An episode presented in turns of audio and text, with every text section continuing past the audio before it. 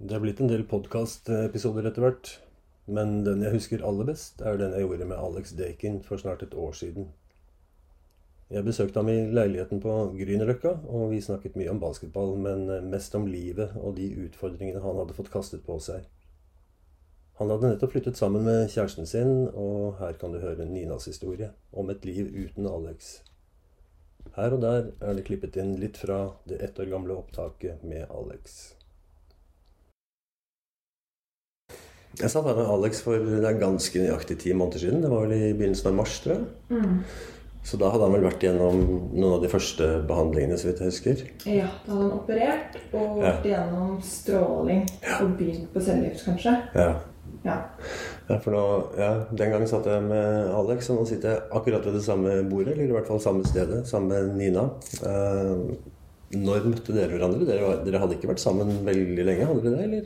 Nei, eh, vi møttes eh, juni 2019.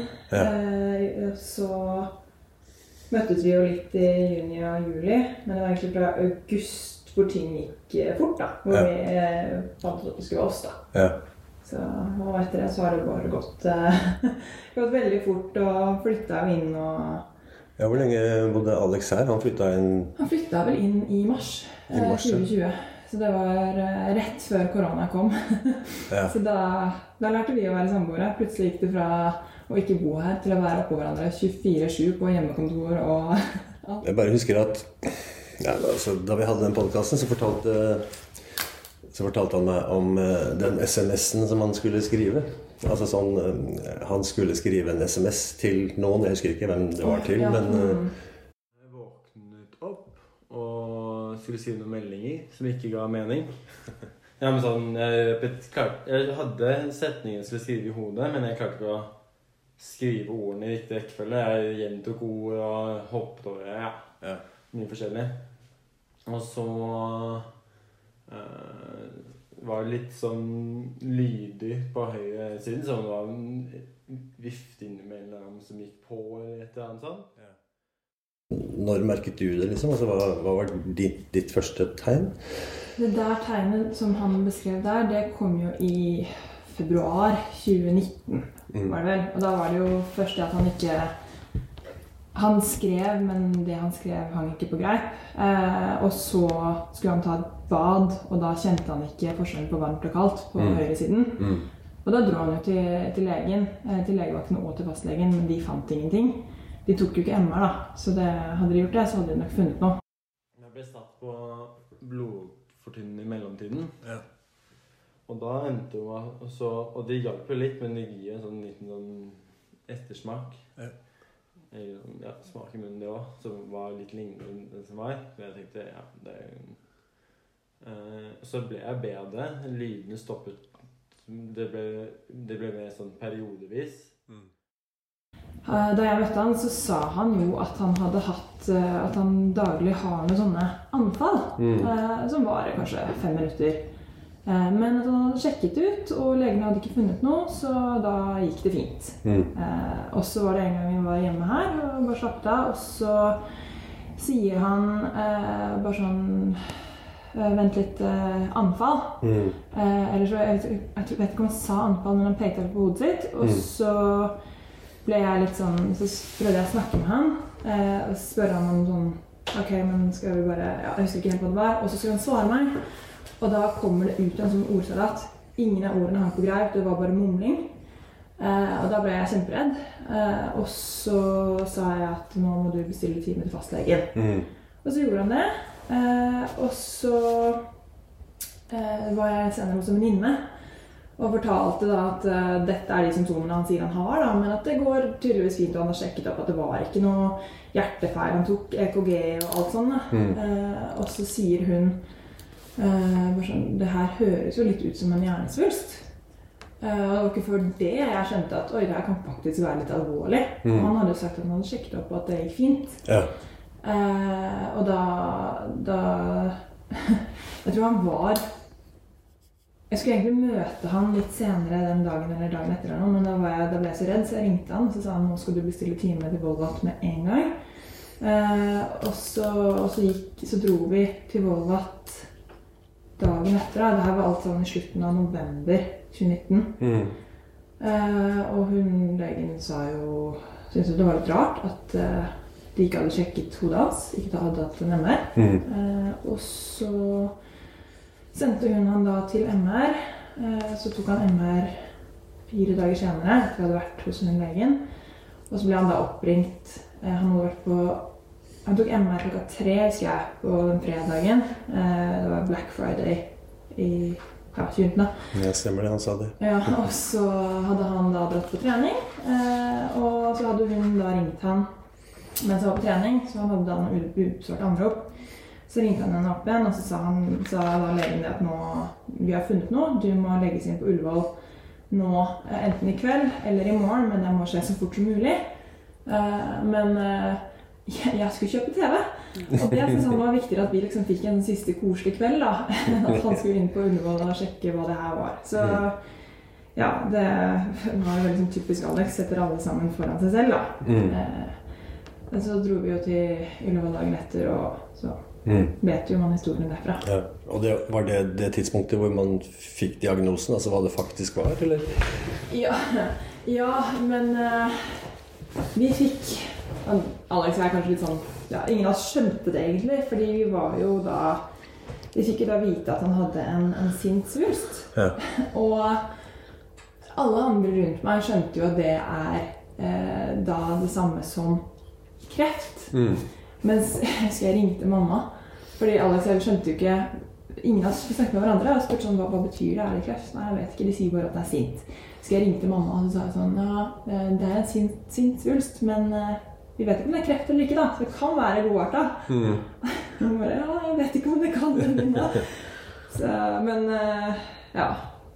Jeg tenker at når Altså Det slo meg i hvert fall, fordi ja, altså det at han, dere var så åpen på det og har den Instagram-kontoen eh, hvor det står beskrevet hva det er. og på et eller annet på et eller annet tidspunkt så vet jo dere det, og hva, altså, hva beskrivelsen er. Og jeg var vel ikke den eneste som googlet det, tenker jeg, og fikk ganske kraftig sjokk av det. Og da tenker jeg Det er det jeg har tenkt på hele tiden. Hvordan, hvordan det var mulig å opprettholde den positiviteten på et vis. Altså optimismen rundt det. Eh, og det har liksom slått meg. Det er sånn helt enestående. Eller om det var en sånn om det var en kraft som ville at man skulle gå løpet, eller har du noen idé om det? Sånn, hvordan dere tenkte rundt det? Han var, bare, han var ekstremt positiv. Eh, og han var så veldig på det at han ville ikke google. Han ville høre det legene sa. Eh, men vi skulle ikke sitte og google. Eh, var, han sa selvfølgelig ikke at jeg ikke fikk lov til å google. Men når han ikke ville gjøre det, så ville jo ikke jeg sitte der og finne ut av hva det var. Så vi tok jo egentlig Vi tok rådene fra legene og de beskjedene vi fikk. Eller han fikk, da. Eh, men leste ikke for mye inn på det, og det er jeg egentlig veldig, veldig glad for nå. Mm. og han var jo Han skulle overleve dette. Mm. Um,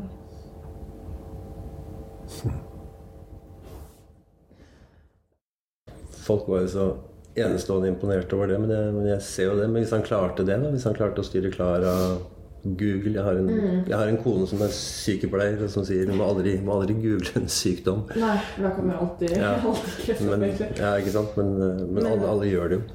Eller Ja, mange, mange det- gjør det jo i hvert fall. Men det som var, var at da Alex ble veldig dårlig nå i høst, så etter han hadde fått vite da, at det hadde spredd seg til ryggen, eh, så, så, sier, eh, så sier legen at eh, det kan være lurt å kanskje få Han vil jo egentlig ikke vite noe særlig prognose. Så sier da legen at eh, det kan være lurt å få vite prognosen nå. Mm. Eh, og så sier først Alex eh, nei da, liksom. Nei, det går fint. Og så spør jeg han litt senere, for etter å ha snakket med legen om at hun ønsker at Alex skal få vite prognosen nå, Mm. eh, så går jeg til Alex og så sier jeg Tror du ikke det kan være fint å få vite det nå? For å berolige oss litt, da. For jeg eh, trodde jo Jeg var jo redd for at vi kanskje ikke fikk sommeren 2021 sammen, men kanskje liksom rett før det, da. Mm. At prognosen var juni 2021 eller noe sånt. Mm. Eh, så jeg hadde jo håpet på at denne prognosen skulle roe oss ned. Eh, men så sa Alex at han, han ville ikke vite prognosen når han var så dårlig som det han var da. Mm. Eh, så han ville vente Ja. til han ble bedre, før, før han fikk vite prognosen. For da Mm. ville den jo da vært bedre. Det var vel Altså, jeg, jeg har jo mange Jeg har mange opplevelser av hvem jeg og andre opplevde at Alex var. Akkurat det du sier, at han setter alle andre foran seg selv. Um, jeg bare altså, vi, vi satt og fulgte streamingen fra seremonien på Vestre Gravlund. Slutten av november, tror jeg det var. Var det ikke det? Og da Altså, det var, det var familien, og så var det deg, og så var det så, det var så sterke, gode historier. Det var en eller annen av en eller annen pussig grunn så har jeg blitt ved den historien om seigmennene. Den, den sitter så veldig godt. Klarer du å, å dra gjennom et par av de eksemplene du hadde da? Var, jeg tenkte at dette må jo faktisk flere få høre enn de som fulgte den streamingen. Ja, det var Gjennomgående tema er jo det at han han satte så pris på hverdagene. da. Mm. Og det var jo egentlig Vi hadde jo flest hverdager, for det var jo korona, og vi hadde jo selvfølgelig planer om at når koronaen eh, tok slutt og, og han ble litt bedre, så skulle vi jo reise og gjøre litt mer eh, ferieting, da. Eh, men, eh, men nå hadde vi bare hverdager. Og istedenfor å sitte og vente på feriene og de helligdagene man får, så gjorde Alex også det lille ekstra i hverdagene. Eh, og det har jeg tenkt på også i etterkant at det er helt unikt av han å være så å Bare gjøre så mye ut av de små tingene. Sånn som da den historien hvor, hvor vi skulle på hytta. Eh, hytta mi i slutten av september. Og da visste jo ikke han at han var dårlig. Eh, men han hadde begynt å få litt vondt i ryggen og trodde det var en ettereffekt av strålingen han gjorde i august. Eh, og det husker jeg kom For da måtte vi avlyse den hytteturen. Eh, og så husker jeg kom hjem, og så, og så sier han sånn eh, 'Nina, se i den øverste skuffen min på soverommet.' og så åpner jeg opp skuffen, og så ligger det da en pose For han hadde åpnet posen, og da lå det da en pose med åpnede seigmenn. Han hadde ikke spist noen av dem, da. Så sa han at eh, 'jeg vet at du er så glad i harde seigmenn'. For jeg, Det er kjemperart, men jeg er kjempeglad i seigmenn som har ligget en stund. For det var sånn jeg fikk de på hytta. Ja. Eh, og det hadde Alex husket på, da. Eh, og det var sånn han var. Gjorde veldig mange små ting. Kom hjem med en badebombe fordi han syntes at navnet minnet litt om meg. Eller kom hjem med roser, eller skrev da lapper som man la på dette bordet her da, når jeg skal på jobb. Sånne småting som, eh, som betyr så mye mer enn, Ja. man, eh, enn man tror. Ja. Hvordan man lever livet når man håper det beste og frykter det verste. Mm. Så blir hver eneste dag så innmari viktig, gjør den ikke det? Så da, Ja, ja det for selv, selv om han ikke Ja. ville vite eller visste hva prognosen var på et tidspunkt, så var det jo mange dager og Ja. Ja, det var helt utrolig hvordan han klarte å se det positive i alt. Eh, Beundrer han for det. Helt Og den stå-på-viljen. Og den staheten. Han var jo kjempesta. Som var veldig, veldig bra. Ja. Eh, Med den tunge sykdommen han hadde.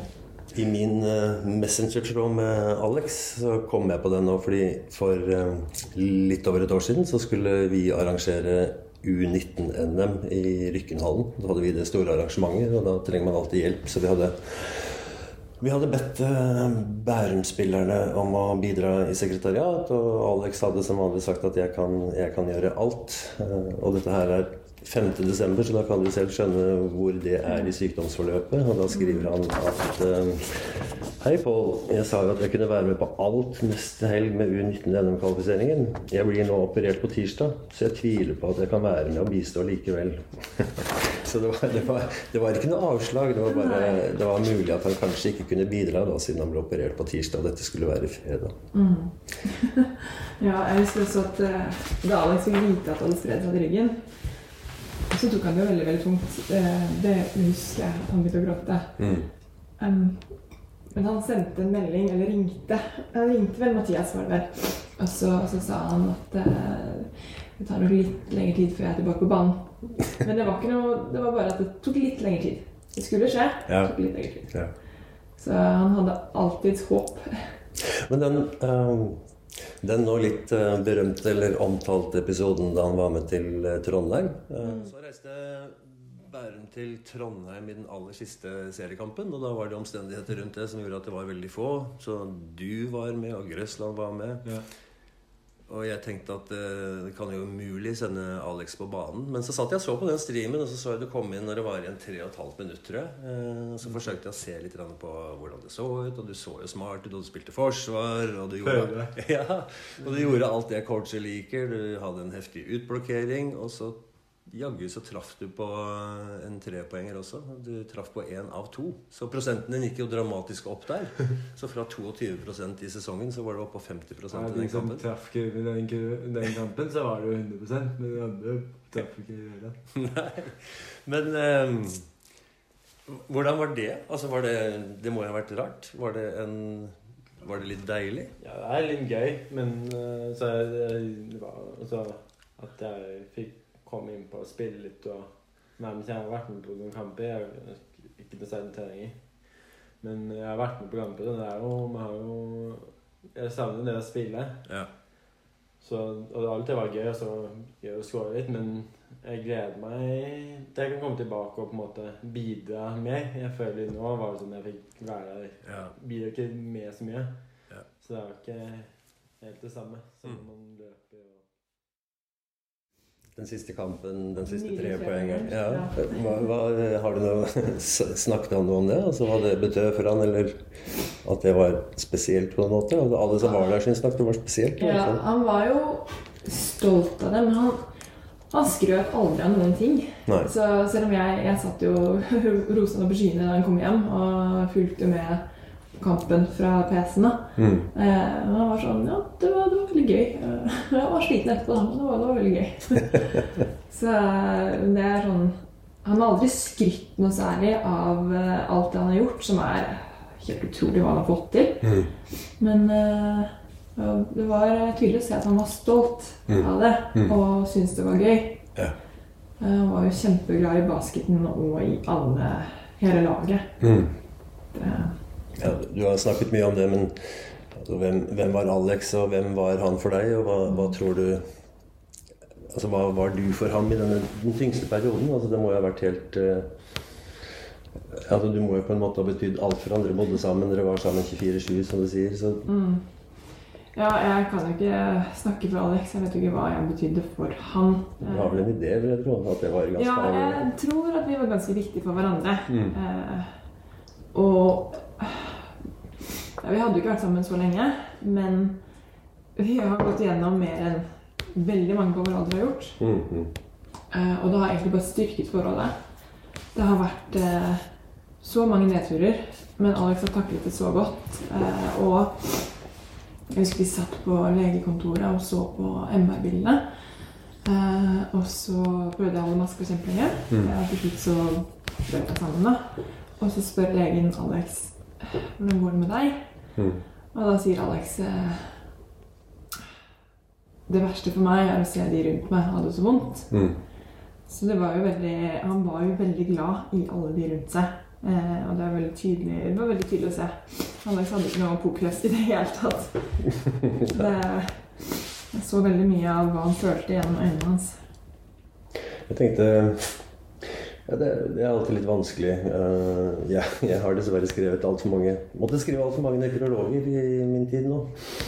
Um, og når man, altså når man spør om en podkast sånn som dette her, da, så innbiller jeg meg at det kan oppfattes som litt invaderende på en måte. Uh, men det var den historien eller historiene fra seremonien som grep litt tak i meg. Så tenkte jeg at det, det må være viktig å få satt litt ord på dette også, for andre som ikke har vært nær ham eller deg. eller... Også Min erfaring er at mange mennesker skygger unna når tragedier rammer. Og så blir man litt sånn tvilrådig. da, Skal man oppsøke folk, skal man ta kontakt, eller skal man la det være? Altså, hvordan har din tid etter dette vært? Er det sånn, Har du opplevd noe? Er folk flinke til å ta kontakt, la det være? eller? Ja, folk er veldig, veldig greie. Eh, og spesielt vennene til Alex har tatt utrolig mye kontakt. Mm. Eh, og det setter jeg så enorm pris på. At de Det må jo være så vondt for dem òg. Mm. Eh, men at de, de da rekker ut en hånd og stiller opp og sender gode ord, da. Mm. Det er jo helt utrolig. Veldig fint å se hvor gode venner han også hadde. Mm. Eh, og det merket jeg også mens eh, Alex var der, at de vennene de har stilt så mye opp for han. Og ja, Mm. veldig, veldig bra. Veldig fint. Hvordan er, ja, hvordan er dine dager nå, da? Altså, det er som du sier, alle, alle har hjemmekontor, så nå, nå er du her alene. Ja. Her hvor du alltid var sammen med Alex. Men liksom, hvordan er dagene? Er det sånn opp og ned? Er du stadig hos Alex i tankene, eller hvordan er det? Når du Ja. Tenker mye på Alex. Mm. Eh, Det dukker opp veldig mange minner hele tiden. Ofte så kan det være ett minne som går gjennom én dag. Mm. Og så kommer det et nytt minne neste dag. Mm. Eh, og, men det å sitte i denne leiligheten her Jeg var jo kjemperedd for at det kom til å bli veldig tungt. Mm. Eh, og, men det er veldig fint, for vi Vi har jo gjort veldig mye i denne leiligheten her for at Alex skulle få, få viljen sin, få det litt mer sånn som han ville ha det. Mm. Eh, og det er egentlig bare veldig fint å se så mye Alex i leiligheten. Mm. Så det er selvfølgelig veldig mye veldig tunge dager, og det går veldig mye opp og ned. Mm. Det, jeg trodde sorg kom til å være en prosess hvor du starter på bunn, og så Mm. går du gradvis opp. Mm. Men det er jo en berg-og-dal-bane. Det påstås jo at uh, tiden leger alle sår. Det spørs vel det. Det gjør vel ikke det, men det blir kanskje gradvis lettere å leve med. Men ikke nå, for nå er Nei, det- det er det så kort tid etter. Ja, de sier så. Det er veldig mange Veldig mange som sier at det blir Det blir bedre å leve med. Mm. Eh, men eh, det gjenstår jo å se, da. Mm. Men du har jo fått deg en, du har fått en ny venn som heter Rufus. Jeg har fått meg en ny venn. Ja, Han er veldig fin. Eh, Det er virkelig en terapihund. Ja. Han er veldig fin, ja. Hva betyr basketball for deg, tror du? Eller hva har, hva har basketball betydd for deg disse årene? Det har vært en stor del av livet, har det ikke? Ja, jeg begynte å spille da jeg var 15. Ja. Så, men jeg sluttet ganske fort på fotball med en gang jeg hadde vært på en eller to treninger. Ja, det er jo viktig være riktig. Så Slutt med fotball er viktig. ja, det var jo fotballsesong nå, så da husker jeg jeg sluttet, og faren min mente at det var kanskje litt forhastet. Ja, de har vært så utrolig bra han. Eh, ja. Ja, fordi ja, jeg kjenner jo ikke dem fra før. Jeg kjenner jo Dave. Ja. eh, fordi han har vært mye rundt i miljøet, selvfølgelig. Men eh, Mm.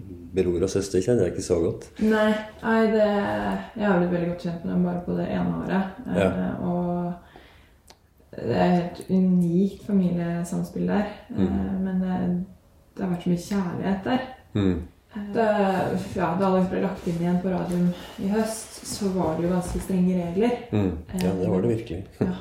Og kun lov eh, for én person å besøke hver dag. Og da var det maks en time. Mm. I teorien, da. Vi strakk jo de grensene litt. Ja, ja. men eh, men eh, da måtte vi jo fordele dette. Og det kunne jo fort blitt veldig vanskelig. Mm. Eh, for alle ville jo ha en bit av kaka. Mm. Eh, men den familien har vært helt nydelig der. Og ja, Så dere har hatt en sånn liten vaktordning på hvem som skal være der hvilke dager? virkelig. Var det sånn at han var på, altså han var på Radiumhospitalet de siste 14? Var det noe sånn jeg forsto? At han lå inne der? Ja, Alex hadde et ganske kraftig anfall. Eh, Vi satt her hjemme og spiste. eh, Og det var 1. november, husker jeg. Da hadde han perm. Da Mm. fra, Da lå han egentlig på Ullevål. Mm. Så han byttet litt på Ullevål og Radium. Men det var fordi han hadde hatt en liten operasjon i høst også, hvor han la inn en sånn eh, skjønt Mm. eh, for å ta noe av trykket fra all den ekstra spinalvæsken Mm. ut av hjernen. da. Eh, men så satt vi her hjemme og så spiste vi takeaway, som alltid. Han var veldig veldig glad i dimsum, da, så jeg hadde syklet ned til eh, hva heter det, Taste of China og Mm. kjøpt noe mat. Og så kommer jeg opp igjen hit, sitter vi og spiser. Eh, og så plutselig så sier han da at eh, han har litt vondt i munnen. Mm. Eh, og så spør jeg eh, ok, hvordan da? Hvor har du vondt? Nei, smaken. Eh, og så sa jeg ok, greit, ja, men du, da skal jeg se hva vi har. For du har jo fått noe sånn Han hadde jo en del piller, eh, så han hadde fått noen sånn smertestillende han kunne ta eh, ved behov. da. Mm. Eh, og så finner jeg frem de, og så eh, spør jeg hvilken han skal eh, ta. Og så ser han på den. Eh, og så sier han kan du beskrive, kan du liksom peke på hvor du har vondt. Og så peker han bare på halsen sin. Og så sier jeg men så jeg ringer, for det var, vi klarte ikke å finne ut av hvilke av disse pillene han skulle ta. da. Mm. Så jeg ringer Ullevål, og så finner vi ut av det. Og så, så tar jeg opp telefonen, begynner å finne frem nummeret, og så sier han vent litt. Og så ser han på maten sin, og så ser han på pillene, og så maten og pillene igjen. Og så maten, og så sier han Hva er dette? Jeg husker ikke dette. Eh, og da innså jeg at nå er noe veldig, veldig galt. Mm. Eh, så jeg ringer da til Ullevål. De ber meg ringe 113 med en gang. Eh, så kommer da to, to fantastiske ambulansemenn og hjelper til. Eh, og ja, lang historie veldig, veldig forkortet. Mm. Eh, vi kommer oss opp til Ullevål. Eh, han hadde veldig sånn Det var sånn korttidshukommelse, da. Eh, hvor han Ja. Vi kunne sitte her, og så fikk han jo egentlig ikke med seg helt hva jeg sa. Og så måtte jeg si det på nytt hvert eneste minutt fordi han hadde glemt hva jeg sa. da. Nå Mm. skal vi, nå skal vi til Ullevål. Og så sier han ok, jeg skal bare samle krefter. Og så går det et minutt. Hva er planen nå? Hvor skal vi? Nei, nå skal vi til Ullevål. Eh, så sånn fortsetter det jo, da. Eh, og da, det var jo da et enormt eh, epileptisk anfall eh, Mm. han hadde hatt da. Det kraftigste han har hatt noensinne. Eh, og det gikk jo fint dagen etter, da. Men eh, jeg hadde tatt med han Hadde ikke klart å spise på all takeawayen sin, så jeg hadde tatt den med til han. Mm. Har lagt den på nattbordet på Ullevål. Så hadde jeg bare fått en snap morgenen etter. Jeg var kjemperedd for at han var dårlig og ikke kom til å Ja. Men da fikk jeg en snap hvor det sto 'Hvem har tatt med disse til meg?' så han var jo alltid positiv isteden. Og så spurte jeg sånn Jeg kom jo opp dit dagen etter, spurte etter, og så fortalte jeg da hva som hadde skjedd. Han husket jo ingenting. Mm. Eh, og så, så spurte jeg sånn Men øh, var det ikke litt rart å våkne opp her?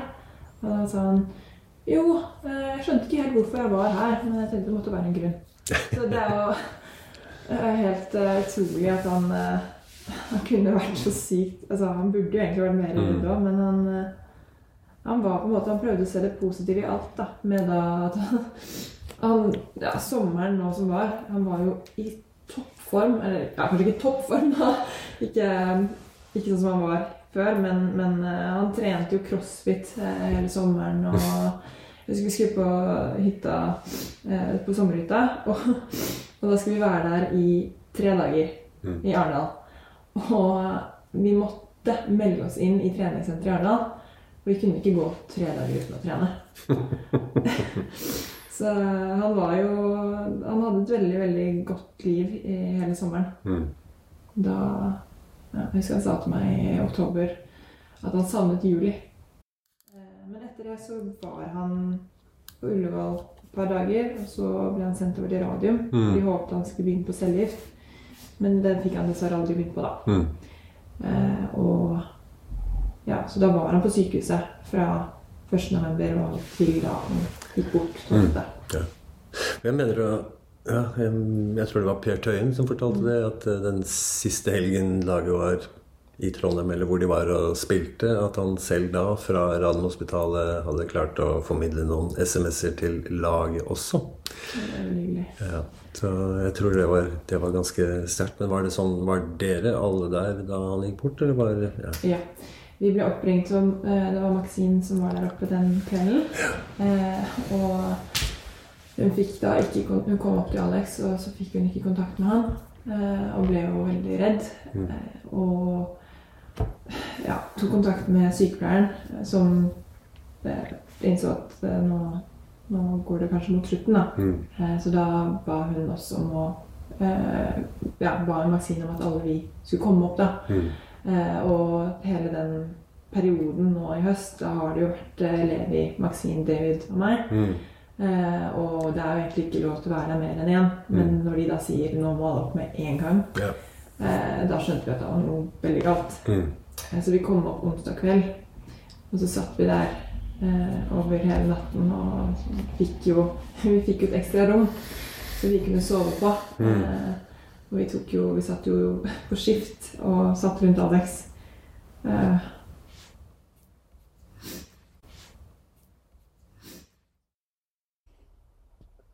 Alex døde på Radiumhospitalet 12. november.